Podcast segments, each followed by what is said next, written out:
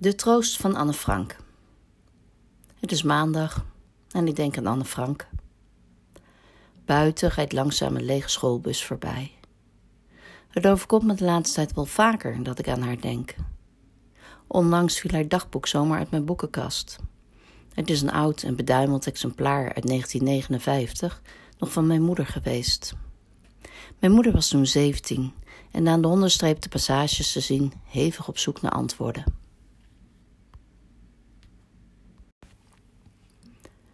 In een ander leven, dat ooit het mijne was, bezocht ik regelmatig Annes beroemde onderduikadres. Niet alleen, maar met 60 Europese tieners in mijn kielzog. Een zenuwslopende tocht door de Amsterdamse binnenstad. Jongens, jullie lopen op het fietspad. Gaan ze op de stoep? Nee, dat is niet de stoep, dat is de trambaan.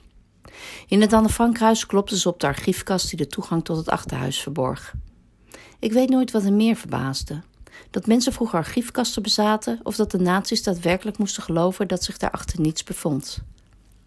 Met hun onhandige lijven stiefelden ze door de smalle gangetjes terwijl ze van hun vrije tijd droomden. Straks in het Amsterdam van de wallen en de wiet. Zelf bleef ik altijd talmen in de kamer van Anne. Stond ik stil bij haar bureau en de groeistreepjes op de muur.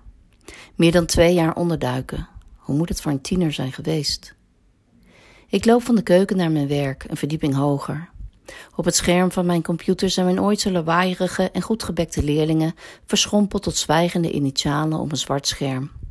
Met uitzondering van de tweede respectievelijk een afbeelding van een trekker en een gans laten zien. Ik groet de initialen, de trekker en de gans en vraag hoe het met ze gaat. Ik moet afgaan op hun stem. Hun gezichten heb ik sinds half december niet meer gezien, tenzij in een persoonlijk gesprek.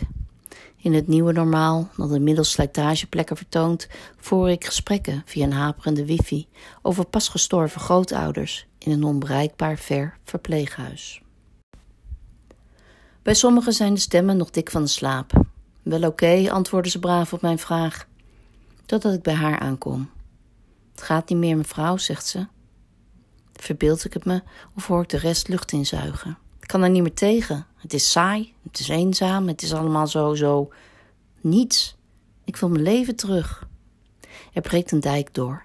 Ik hoor de vloedgolf tegen mijn scherm slaan. Een microfoon kraakt, een andere leerling vult stilte. Een beer van een jongen die kleintjes meldt dat hij tegenwoordig zo onredelijk boos wordt. Om niks, om alles en iedereen. Hij wil een rotschop geven, maar tegen wat? Hij wil sporten, wat kan daar nou tegen zijn? Het verdriet, de onmacht, de frustratie stromen mijn kamer in. Ik kan niet eens meer blij zijn. Het is zo op, neemt zij het weer over. Ik heb het echt geprobeerd door mevrouw. Het wandelen met vriendinnen, het Netflix, het huiswerk maken, het huiswerk niet maken. Want ja, wat maakt het nog uit? Dacht je dat ik op deze manier wil studeren? Echt niet. Toen u jong was, kon je tenminste nog zoenen in de disco. Tenminste, dat vertelde mijn moeder. Wij mogen niet eens zoenen, valt de gans haar bij, behalve met een mondkapje op. Ik denk aan Anne Frank en haar verliefdheid op Peter Pels, de enige jongen die er was, met wie ze zoende op zolder, terwijl een verdieping lager vijf volwassenen rondliepen. En voor wat, zegt een jongen die in mijn lessen zelden iets zegt. Mijn oma stierf in een verpleeghuis aan corona tijdens de eerste lockdown.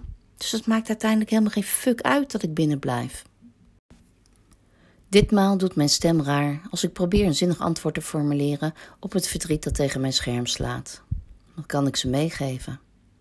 Heeft een van jullie wel eens het dagboek van Anne Frank gelezen? vraag ik na een tijdje. Slechts één leerling antwoordt. Ja, mevrouw, ik. Maar het is een kutboek. Eerst moest ze onderduiken en toen ging ze alsnog dood. Het is het dagboek van een normaal kind, citeer ik Annie Romein, dat onder uitzonderlijke omstandigheden volwassen moet worden. Net als jullie wil ik eraan toevoegen, maar dat horen ze al niet meer. Een onhoorbare schoolbel heeft het einde van de les ingeluid. Doei mevrouw, roepen ze nog even, en dan zijn ze weer op weg naar een volgende zinloze lockdownles.